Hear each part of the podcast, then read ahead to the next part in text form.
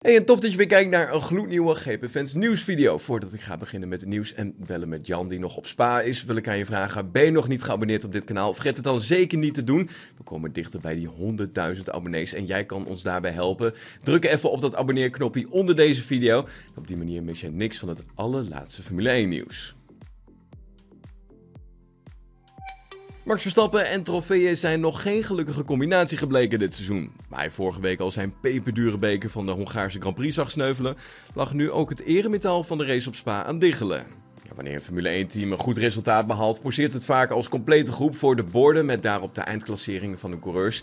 Gaat vaak gepaard met flink wat chaos, champagne en rennende mensen. Nou, nu was ook een van de trofeeën weer de dupe te zijn geworden van deze festiviteiten. Hij is alweer gebroken, zo schreeuwde Max nog terwijl hij lachend wegloopt. Ja, ook is te zien hoe teammaat Christian Horner en een paar andere teamleden proberen uit te vogelen hoe de beker weer in elkaar gezet kan worden.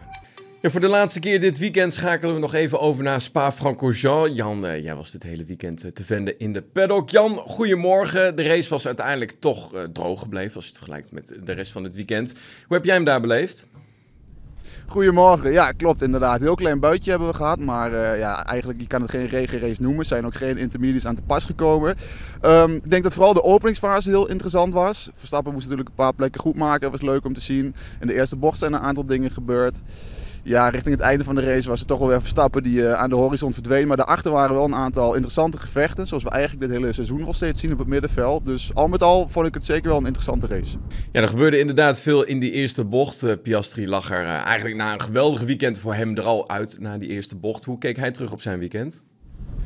Ja, klopt inderdaad. Vond ik jammer om te zien. Ik begin stiekem wel een beetje Piastri-fan te worden eigenlijk. Um, hij doet het zelf een weekend met uh, pieken en dalen. Hij heeft natuurlijk een fantastische vrijdag en een fantastische zaterdag gehad. Zondag heel snel afgelopen voor hem. Ja, het is een beetje gevaarlijk wat hij daar deed. Hij zag een gaatje.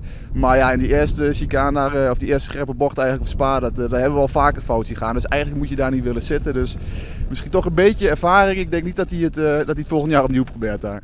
Ja, Carlos Sainz moest daardoor uiteindelijk ook vroegtijdig de race verlaten. Jij had hem eh, volgens mij nog kort gesproken na de race, of, of tijdens de race in ieder geval. Hoe keek hij terug naar het incident met Piastri?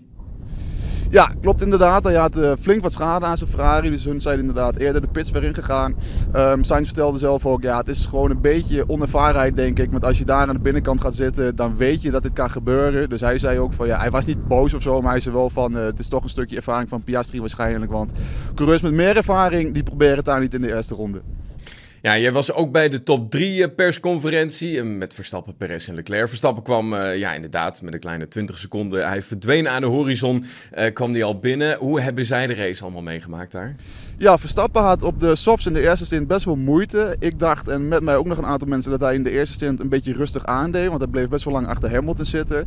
Maar hij vertelde van ja, ik kon er gewoon niet langs. Ik zat in een DRS-terrein en Mercedes had de hoogste topsnelheid dit weekend. Of in ieder geval Lewis dan. Want Russell reed met die zogenaamde schuurdeur achter op zijn Mercedes. Dus die ging niet zo heel hard over het rechte stuk.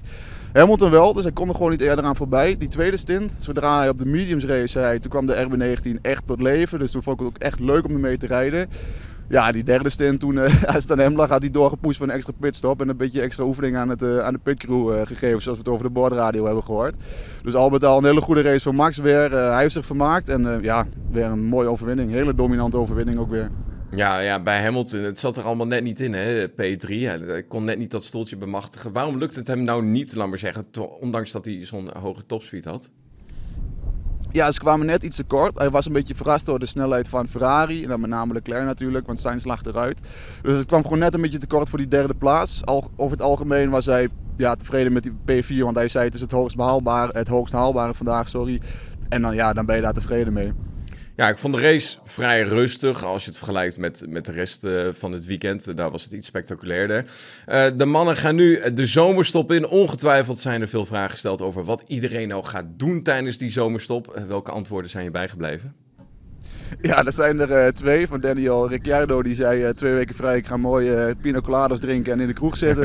en Verstappen, die had op de, op de persconferentie ook wel mooi, die zei, ik ga vooral cardio training doen en mijn pols trainen. Dus toen werd er natuurlijk hard gelachen. Daarna zei hij, dat is niet wat jullie denken, vieze mannetjes. Dus ik denk dat Kelly het druk krijgt, maar we gaan het zien. God, het is maandagochtend. nou, wat, wat, wat ga jij doen deze zomer? wat ik ga doen. Ja, uh, ja ook even lekker. Ik hoorde net van jou dat het weer in Nederland ook niet heel erg best is op dit moment. Nee, dus ja, mooi twee weken vrij. Ga nog even vakantie, even opladen en dan ja, in Zandvoort zijn we weer van de partij. Lekker zeg, dan zie ik je weer in Zandvoort. Fijne reis terug. Goed moment om nog even het kampioenschap erbij te pakken. Max Verstappen gaat de zomerstop in met 314 punten. Zijn teamgenoot Sergio Perez staat op plekje 2 met 189 punten. Fernando Alonso en Lewis Hamilton staan heel dicht bij elkaar, 149 en 148 punten. 99 punten voor Leclerc en George Russell. Carlos Sainz staat daar net achter op plek 7 met 92. En Lando Norris is te vinden op plek 8 met 69 punten. De andere Aston Martin, die van Lance Stroll, zien we op plek 9 met 47 punten. De eerste Alpine zien we op plekje 10 met 35 punten. Oscar Piastri heeft na dit weekend goede zaken gedaan. Hij staat op dit moment op plek 11 met 34 punten. En Pierre Gasly staat op plek 12 met 22 punten. Alexander Albon in de Williams staat met 11 punten op plek 13 en Nico Hulkenberg met 9 op 14. Plek 15 en 16 zien we Valtteri Bottas en Joe Guan Yu. Beide Alfa Romeo coureurs hebben 5 en 4 punten. Yuki Tsunoda staat met 3 punten op plekje 17. Kevin Magnussen heeft 2 punten gehaald dit seizoen. Hij staat op plek 18, op plek 19, 20 en ja ook 21 in verband met Daniel Ricciardo erbij is gekomen. Zij hebben alle drie 0 punten. Was hem dan het GP nieuws hier op Spotify. Vond je dit een leuke aflevering? Vergeet ons dan zeker niet te volgen. Dan zien we je vanmiddag weer. Tot dan. Hoi.